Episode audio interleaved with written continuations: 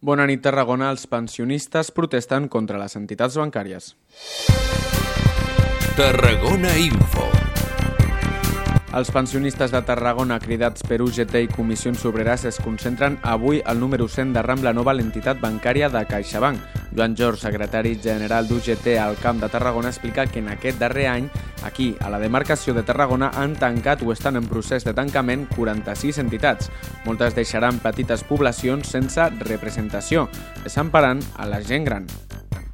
Aquest últim expedient que estan parlant de més de 46 oficines que tancaran en diferents pobles petits, que això vol dir treure serveis als, als pobles petits i les comarques que s'estan despoblant, comarques que a més a més tenen la, la seva població molt envellida i que a més a més no es poden desplaçar i necessiten aquests serveis bàsics.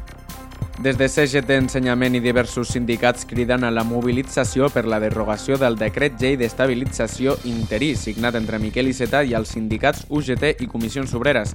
Marta Minguella, portaveu de CGT Ensenyament a Tarragona, explica que aquest decret obliga a passar a les interines un procés d'oposicions en desigualtat de condicions si les obliguen a passar un procés d'oposicions, que és el que pretenen i que és el que va en contra del que demanem els sindicats, eh, si les obliguen a passar aquest procés ho faran amb desigualtat de condicions. Moltes d'aquestes persones que porten, com deia, fins a 30 anys treballant, per l'edat, lògicament, doncs es troben en un moment eh, que fan incompatible treballar, preparar oposicions i càrregues familiars.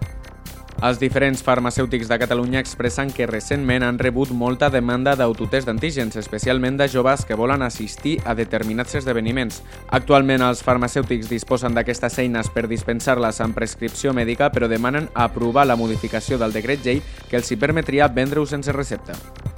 I avui a Carrer Major hem parlat amb Francesc Jornet, responsable dels jubilats d'UGT a Tarragona sobre la concentració d'aquest matí per denunciar la falta d'atenció de les entitats bancàries a les persones grans.